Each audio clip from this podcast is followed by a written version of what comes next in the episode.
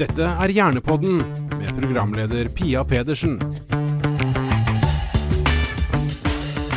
Når man snakker om søvnsykdommer, så er det kanskje gjerne insomni og søvnapné man tenker på. Men det finnes flere sykdommer som skaper problemer for søvnen. En som ikke er så kjent, men som er mye vanligere enn man skulle tro, er rastløse bein. Også kjent som RLS, Restless Leg Syndrome. Velkommen til en ny episode av Hjernepodden, som nå gjennom åtte episoder belyser ulike sider ved søvnen vår. I studio i dag så har vi fått besøk av både en fagperson og det man liker å kalle en brukerstemme. Velkommen Erling Gulbrandsen. Tusen takk. Du har eh, RLS, og det skal vi snakke mer om. Mhm. Velkommen også til eh, nevrolog og spesialist på rastløse bein, Einar Kinge. Takk. Hva er det som skjer når du For det, det, dette opptrer når du legger deg, Erling. Ja. Det navnet rastløse bein det høres kanskje litt eh, latterlig ut. Altså uhøytidelig, man får lyst til å danse, den type ting. Det er ikke det det er som her. Dette er en alvorlig nevrologisk lidelse. Mm. Det er ikke en livstruende sak, men det er en, det er en lidelse som gir veldig alvorlig øh, innflytelse på søvnen og ødelegger søvnen. Ja. Det er det som gjør det alvorlig. Det er det med søvnen som gjør det alvorlig. Ja, ja. Men det det går ut på, det er at uh, når man legger seg, særlig da ettermiddag, kveld, natt, legger seg og sover, når jeg legger meg for å sove, Mm. så kommer det en ubehagelig og helt ubeskrivelig sånn kribling i knærne, leggene, lårene, og etter hvert har det spredd seg også til andre deler av kroppen min. da.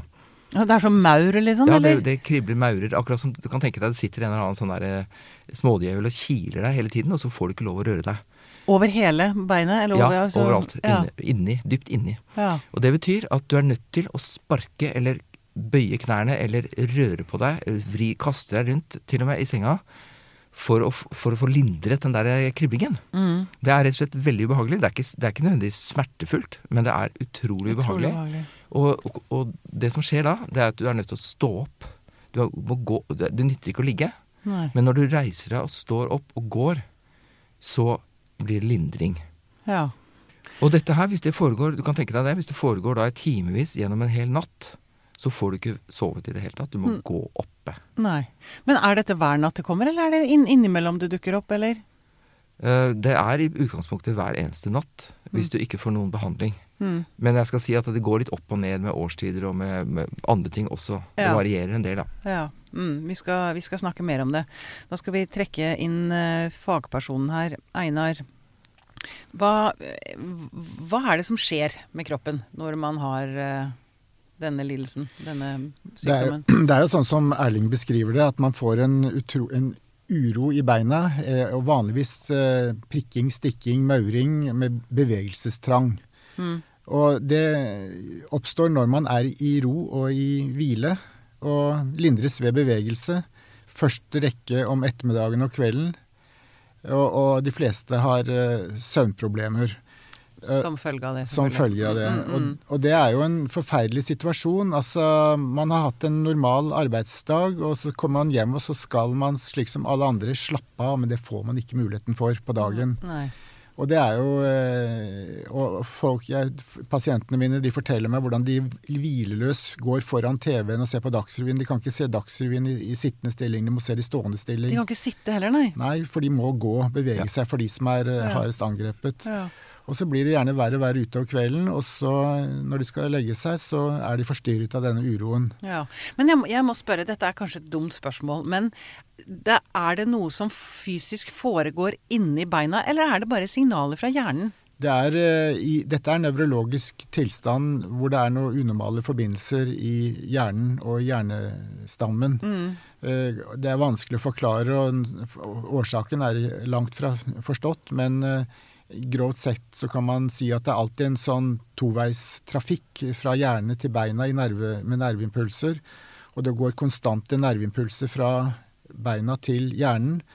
Og ved restless legs så er den normale hemningen nedsatt, slik at man får for mange impulser fra beina, og det gir denne uroen og bevegelsesbehovet. Det er for mange impulser, da. Ja. Ja. Altså Jeg kan si hvordan det kjennes. Jeg vet at årsaken, som, som Einar Kinge sier, årsaken sitter i hjernen. Og i de såkalte signalstoffene i hjernen, da. Ja. Men, det er ikke, men jeg kjenner ingenting i hjernen. Jeg kjenner det selvfølgelig i beina, for det er jo sånn kroppen fungerer. Ja. Det er der man kjenner det. ja. Og det er, kan jeg si, på vegne av mange, det er helt uutholdelig hvis man ikke får rørt på de beina, altså. ja. Man, man forstår ikke hva dette kommer av. Hva, hva er teoriene? Hva, hva, hva, slags tanker Nei, gjør altså- altså- fagfeltet seg rundt dette? Jo, altså det er mye forskning på det, og man er på vei, og det blir nesten for komplisert å, å skulle prøve å forklare det man vet. Eh, eh, Men opp, i korthet så er det noen dårlig signalføring mellom de nervecellene som bruker dopamin i midtre del av hjernen. Mm. Eh, istriatum og hypotalamus, det sier kanskje ikke så mye. Nei. Og i, også det samme er i hjernestammen. Og det er rett og slett en nedsatt hemning av de eh, impulsene som går fra beina opp til hjernen i hjernestammen. Mm. Og det går i første rekke ved dopaminsystemet. Det kommer vi litt sikkert tilbake til, for det, det er en behandling med dopaminerstattere. Og så er det også via opiatsystemet. Og så er det også noradrenalinsystemet. Det er forskjellige systemer. Og, og så er det mye genetikk med i bildet, og så er det også jernmangel kan eh, forsterke og utløse restless legs. Ja, ok, Så dette er en arvelig sykdom? Ja, opptil hos 50% har en arvelig komponent i det. Og det er, men det er ikke sånn Ofte er den arvelig dominant, eh, men det er ikke, man har ikke påvist ett enkelt gen. Men det er mange forskjellige gener, og, eh, og så det ligger i hvert fall på mange kromosomale på kromosomer, kanskje opp mot fem kromosomer og enda mer. Ja. Så det, er, det der er komplisert, og man har ikke fullt forstått det, men man, man tester det ut, og det vil man etter hvert kanskje kunne løse den koden. ja. Mm. Du sa at det varierer i forbindelse med årstider. Ja, altså det, dette er jo veldig uoversiktlig, Mm. og dette er noe vi diskuterer. Jeg kan si det først, altså. Jeg, jeg har vært med i mange år i denne pasientforeningen for rastløse bein. Ja. Foreningen Rastløse bein Mm. i Norge, og jeg er også Mm. med i Europa faktisk, i en forening der. Mm. Og det som er typisk for dette, det er at det er enorme individuelle variasjoner her. Ja. Sånn at det som er typisk for meg, det er ikke nødvendigvis typisk for alle andre. Nei, for det, er altså, det Ja. var altså det jeg lurte på. For dette Ja. er vel for, veldig mange forskjellige grader av For jeg vet jo at noen kan ha dette Uh, innimellom at de sier at ja, det kribler litt i beina når jeg legger meg, liksom. Mm. Eh, uten at det blir noe stort problem. Mm. Men altså bare for å begynne der, da. Mm. Hvordan det er for meg. Eh, jeg har nok eh, en eh, arvelig RLS. Jeg vet at moren min hadde dette, og mormor og mormors, alle mormors søsken, og min oldefar også. Var Ah. på Helgeland. Da. Det er sånn familiehistorie der. altså at eh, sånn På 1940-tallet, 50-tallet, så pleide disse tantene til moren min og onklene og bestefaren hennes å stå opp. Sikkert ikke så smart. De gikk ned på kjøkkenet og kokte kaffe midt på natta. Sånn er det ett-to-tida. Ja. Da møttes de, for da var de oppe og trødde, som de sa, på Helgeland. De måtte opp og trø. Og det, det var altså ja, fem av ni søsken som hadde dette. Moren min, og da jeg. Mm. Men jeg har også flere brødre. Ingen av dem har det. Nei. Så det er litt sånn random eh, om du får det eller ikke genetisk. Men tør jeg spørre, hjelper det å trø, da? Ja ja, det lindrer jo. Det lindrer, jo, men mens du trør, så, så forstår jeg at det lindrer. Men Ja. hjelper det i etterkant? Nei, det gjør det ikke. Nei, akkurat. Når du legger deg ned igjen, så er det fullt kjør på nytt. Så alternativet er liksom å gå sovende. Ja, og det er jo Det går jo ikke. ikke så lett. Nei. Nei, Nei. Nei. Men du snakket om hvordan det varierer. Altså, Mm. Det er litt sånn individuelt, da, men hos meg så er det pussig nok sånn at når vi legger om fra vintertid til sommertid, sommertid til vintertid, så er det et problem. Da, Ak akkurat i overgangen? For da, blir, da blir det noe gærent med klokka og, og leggetid og sånn. Ja. Det merkes. Ja. Et annet problem er rundt sankthans og rundt øh, øh, juletider. For da er liksom hele døgnsystemet enten på det mørkeste eller på det lyseste med, med lys, da. Mm. Sollys. Mm. Så det er jo masse sånne Dette er jo åpenbart en syklus som, som går på 24 timer. Dette kan sikkert uh, Einar si mye mer om. Mm. Men det er en såkalt psykadisk syklus. Altså det er 24-timerssyklus. Mm. Ja. For søvn. Alt med søvn har å gjøre med sånne sykluser som det. Mm. Så jeg har det sånn at jeg ikke har rastløse bein om morgenen og formiddagen, Men det, og det men er får ganske det på på, kvelden. på kvelden. Men det sa jo du også, Einar, at det, det er ganske vanlig at det er på kvelden man får det. Ettermiddag, kvelden kveld og, og og natten. natten. Og de fleste har det bedre om, eh, om tidlig på morgenen Mm. og om formiddagen. Det er såkalt cirkadiansk mønster som nok har noe med dopaminkonsentrasjonen i blodet og hjernen. Ja. Den er eh, ofte lavest på kveld og natt. ja. Men betyr det at hvis man hadde snudd døgnet, at man hadde sovet på dagen og vært ute og løpt om natten, så hadde det si, ikke vært noe problem, det er, det er ikke det jeg mener, men skjønner du hva jeg mener? At det er lyset som påvirker såpass mye? Ja, altså det er jo det derre mønsteret man Det sirkadianske biologiske mønsteret som har med selvfølgelig lys og søvn og hormoner og alt mulig, den, den, den biologiske rytmen, og om man bryter den ved å holde seg våken om natten og sove på dagen, det, Det, det vet du ikke. det har ikke, har ikke jeg noen tanken tanke, noen forståelse for. Jeg Nei. vet ikke. Nei. Men det kan jeg godt si at jeg har prøvd. Aha, Ja. se der. For jeg har i mange år Altså, jeg fikk dette da jeg var 16 år. Mhm. Eh, Men det ble alvorlig da jeg bikka rundt 40 år gammel. Da jeg var 40 ca. Mm. Nå er jeg over 60. Har det fortsatt. Eh, Men eh, da Jeg har vært i en situasjon som både student og seinere i jobb, hvor jeg kunne flekse med arbeidstid. Så jeg har ofte jobba om natta. Ja. Langt utover natta.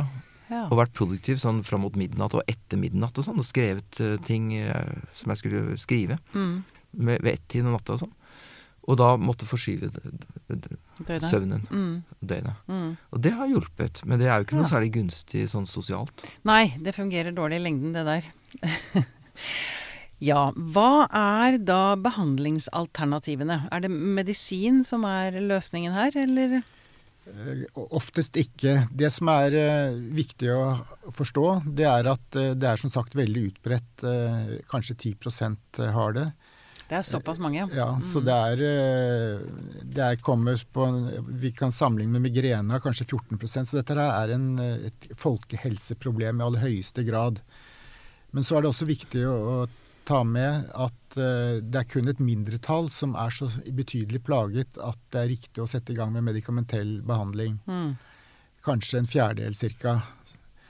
Uh, og det man skal gjøre, det er at man skal Hvis man er plaget og trenger behandling, så skal man eh, først eh, komme med generelle søvnhygieniske råd som gjelder for så vidt andre pasienter også som har søvnproblemer. Og det er jo at man skal være gjerne fysisk aktiv på dagen, ikke fysisk aktiv på kvelden. Selvfølgelig unngå koffein etter klokken fire, og unngå alkohol, og være nøye med å ikke ha altfor mye lyseksposisjon like før man legger seg, og sove i et eh, stille, avkjølt rom som stort sett bare skal brukes til å sove. Det er de generelle rådene. Mm. Eh, noen har nytte av å stimulere beina med kulde og eh, eller å gni og massere, som kan kanskje hjelpe. Og det er også rapportert at noen har nytte av en, en periode, altså når man er veldig plaget, eh, å sitte og fokusere på noe helt annet. Eh, F.eks. å være veldig opptatt av noe PC-greier, men ikke før man legger seg. Det er de generelle rådene.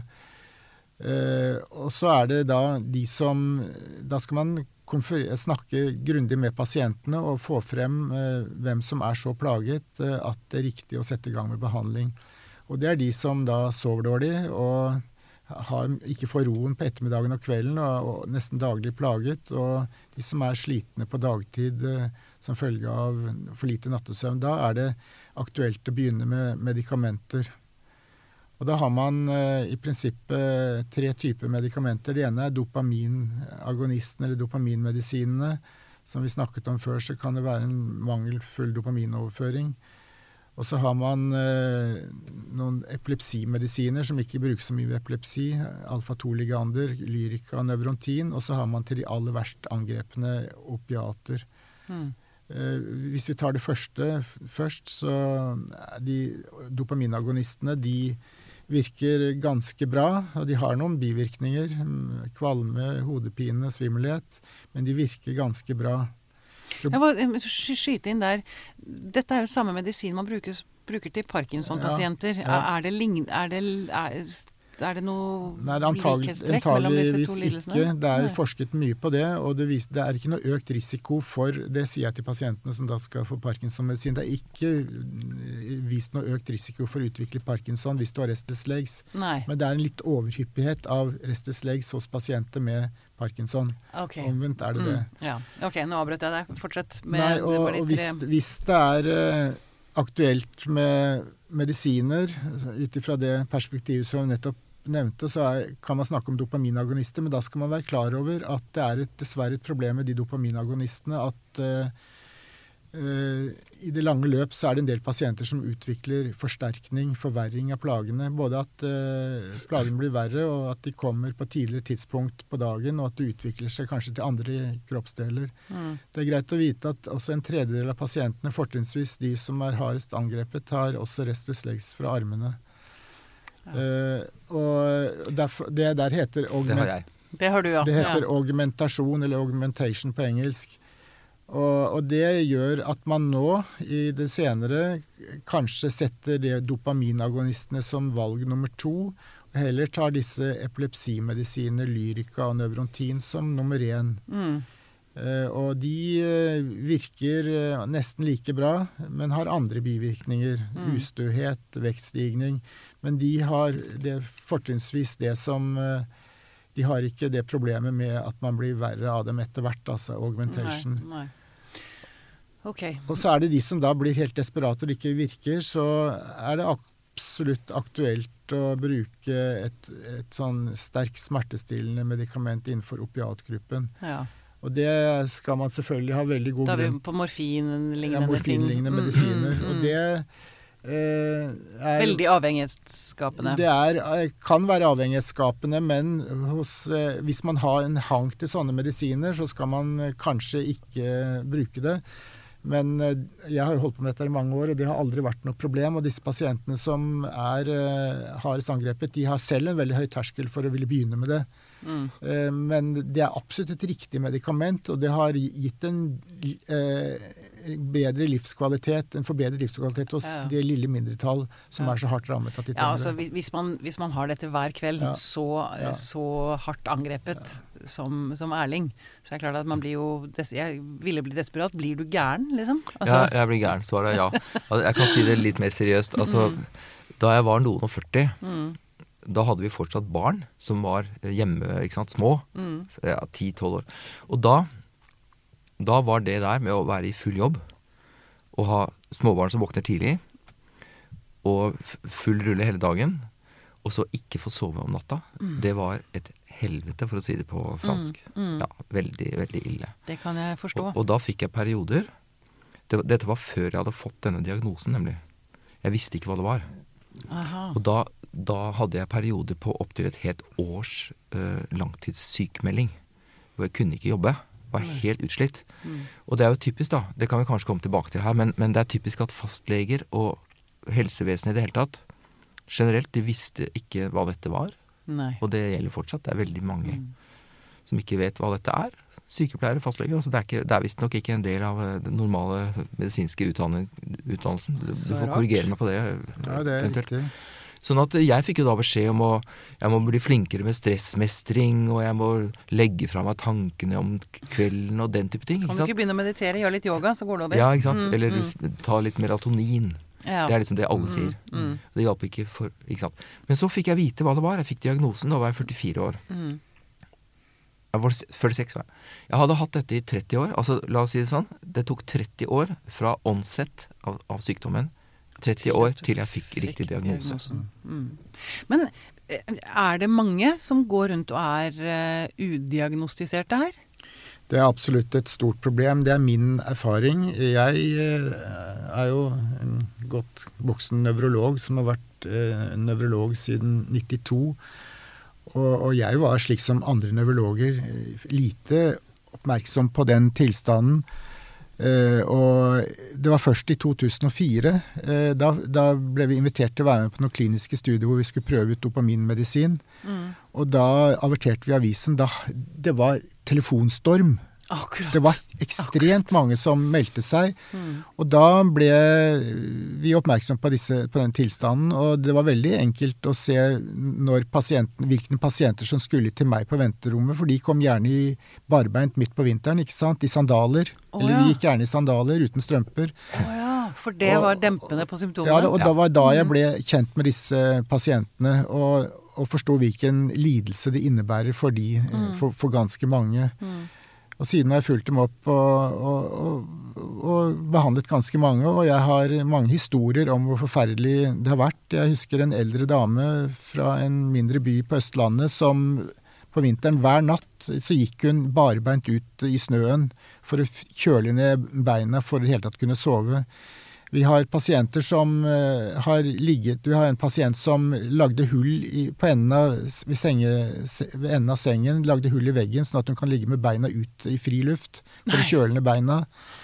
Og det forstår vi godt. Altså, og det er folks, og det er en, en betydning Nå skal jeg ikke overdramatisere, for dette gjelder det minste, de færreste, men det er en veldig psykisk belastning å ikke kunne få sove og aldri kunne få ro. Mm. Dette her er en tilstand som kan sammenlignes med alvorlige andre nevrologiske lidelser når det gjelder uh, symptomutforming og livskvalitetssenkning. Mm. Hmm. Men livet ditt nå da, Erling. Nå, du bruker medisiner, regner jeg med da? Ja. Hvordan, jeg, går det bra ja, nå, liksom? Det går ganske bra. Mm. Jeg bruker Jeg har vært innom, tror jeg, alle, alle medisiner som fins mm. eh, på paletten. Prøvd dem én etter én, og nå bruker jeg flere i kombinasjon. Mm. Og uh, jeg kan jo si at jeg har Einar Kinge som min nevrolog, og har hatt det i mange år, og det er kjempefin hjelp. Ja. Du er men, glad, glad, du fant han. Ja. Mm. Men det er, det er, tydelig da at jeg Altså det er blitt bekreftet også gjennom såkalt søvneregistrering, da. I mitt tilfelle. Mange, jeg har hatt mange søvnregistreringer, polysomnografi, som dokumenterer sant, søvnmønster og hjernebølger og sånt gjennom natten. Mm. Det, det, er dokumentert at jeg har dette i sterk grad, RLS. Ja. Og jeg kan jo bare si det er ikke noen solskinnshistorie fortsatt. Altså, vi driver hele tiden og justerer og diskuterer og kalibrerer det, mm. medisineringen. Fordi det er dette med tilvenning og Altså medisinene over tid da eh, rett og slett mister effekt litt, og man må justere på ting og, ja. og sånn. Og jeg, jeg, For øyeblikket så sover jeg for dårlig. Eh, jeg sover lenge nok, kanskje, men jeg sover ikke godt nok. Mm. Men i dag klarer du å, å jobbe, eller? Jeg jobber, mm. men det er helt på hekta. Det er helt på hekta. Mm. Faktisk. Mm. Litt tilbake til det du, det du nevnte i sted, Erling. Dette med at, at, fastleger ikke anerkjenner eller ikke kjenner sykdommen. Det er jo litt skremmende. Ja, altså fortsatt Vi håper at det blir mer og mer kjent blant fastlegene, men eh, fastlegene skal jo velge og vrake mellom De har jo et veldig press på å beherske det store sykdomspanoramaet. Mm. Og det er, det er en, en kjensgjerning, i hvert fall fra min erfaring og pasientenes erfaring, tydelig Erling, og det som står i litteraturen, at det er mange undersøkelser, også ferske, ferske undersøkelser, som viser at det er en forsinket diagnostisering. Og det er jo spesielt aktuelt for de som har behov for behandling. Og, og, det har også økonomiske konsekvenser. Og det er min erfaring, og også det som står i litteraturen, at eh, fastlegene de fokuserer på det de kan. Eh, hvis du kommer med en eller annen diffus plage. Men de kan ofte ikke restless legs. Derfor så blir det på en måte ikke bemerket. Og det er vel, De fleste som har restless legs, har jo også søvnproblemer, og de presenterer det som et problem. Og da er det gjerne slik at fastlegen da begynner å tenke på det psykiske. Og, og da blir de satt i får de sovemedisin og forskjellige typer, og noen får antidepressiva. Og noen typer antidepressiva det er eh, ikke å anbefale, fordi det kan faktisk forsterke restless Ja. Ja. Men får jeg da spørre, hvis det sitter lyttere der ute som, som kjenner seg igjen eh, altså, Hvordan vet man at det er eh, restless legs man sliter med, og ikke psyken? Altså, kan, kan dere beskrive altså, Når det, vet man at det er Der er det fire helt klare kriterier ja, på diagnosen. Mm. Og de kan kanskje du bedre ja, meg? Det er uh, en uro med bevegelsestrang i beina, vanligvis ledsaget av ubehagelige følelser. Det er det ene. Og den, og de og den uroen den oppstår i hvile, lindres uh, i, av bevegelse og er mest uttalt på uh, ettermiddag og kveld. Mm. De fire kriteriene. Og det er en, i prinsippet en ganske van, enkel diagnose å stille. Sånn at eh, hvis fastlegen bare var oppmerksom på det, tenkte mer på det, så ville nok en del ha hatt nytte, stor nytte av det å bli satt i behandling. Ja, fordi det er, det er, kanskje vanskelig å komme til fastlegen med litt sånne Det er vanskelig ja. å beskrive, kanskje, hvis man ikke har funnet ordene, eller man mm. sier at man får ikke sove, og så ja. men, men, hvis man først kommer med de symptomene dere beskriver her, mm. så vil enhver fastlege forstå hva det er for noe. At det, dette faktisk er en sykdom. Kanskje. Og, kanskje, men du er, tenker at det kanskje ikke altså, er til, til lytterne der ute, da, Mm. kan si det veldig tydelig. Mm. Hvis du har en ubehagelig kribling og en intens bevegelsestrang i beina, Mm. og kanskje også armene Og to, hvis du får lindring når du beveger deg. Ja. Og tre, hvis du merker at dette er verre på kvelden og natten. ja. Og hva var det fjerde?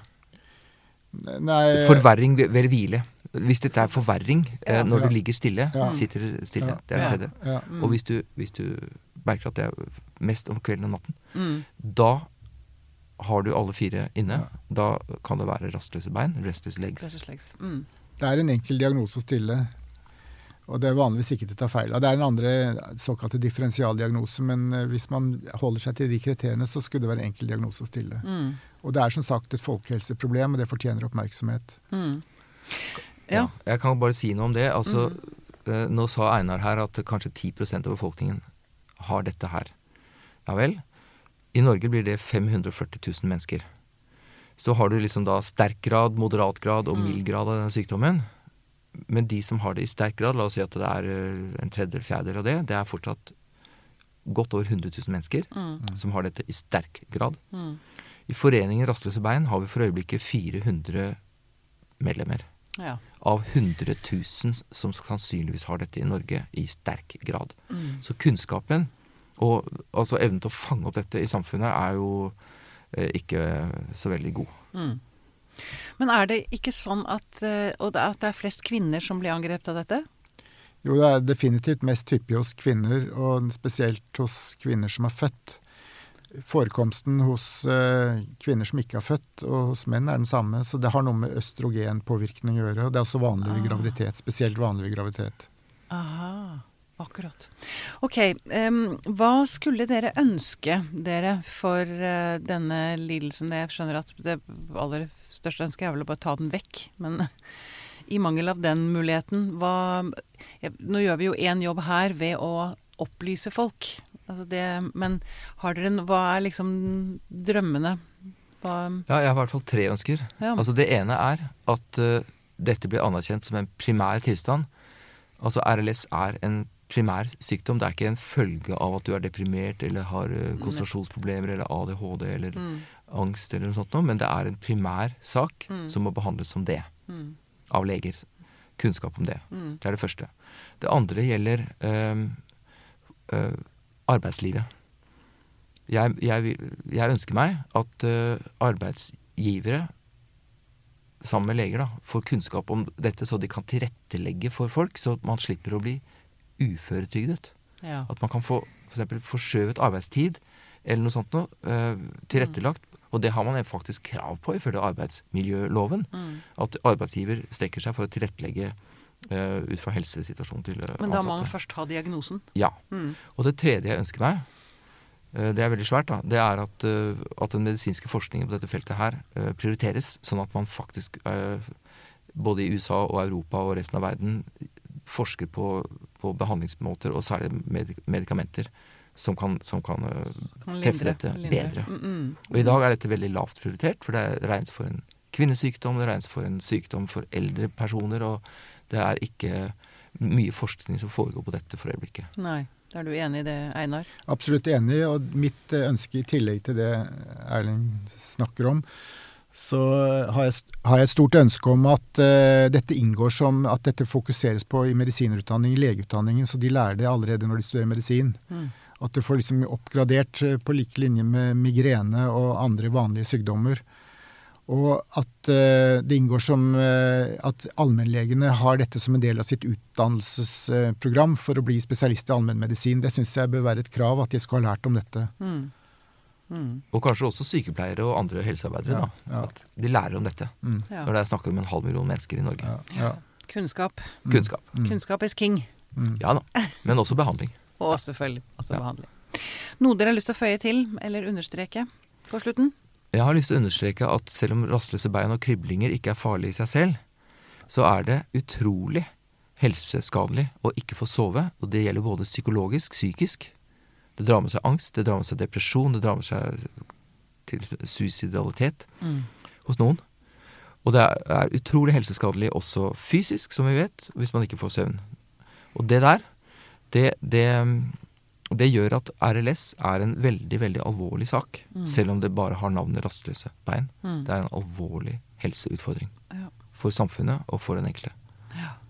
Og det kan vel du Absolutt. Og, Absolutt, og det er en man, Det har vært eh, Innenfor de siste årene så har det vært en nedprioritering av kroniske sykdommer til fordel for mm, kreft og hjerte-karsykdom. Eh, Jeg synes eh, nå, nå håper jeg på at kroniske sykdommer som pasientene er, går i årevis og er konstant plaget av, at det får en større anerkjennelse. At det liksom stiger i det medisinske sykdomshierarkiet, sånn at det blir anerkjent for all del. At det ikke eh, Det tror jeg er veldig viktig. Veldig bra. Tusen takk for at dere kom i studio, nevrolog Einar Kinge og RLS-rammet Erling Gudbrandsen. Tusen takk. Denne podkasten er produsert av Tid og list for Hjernerådet.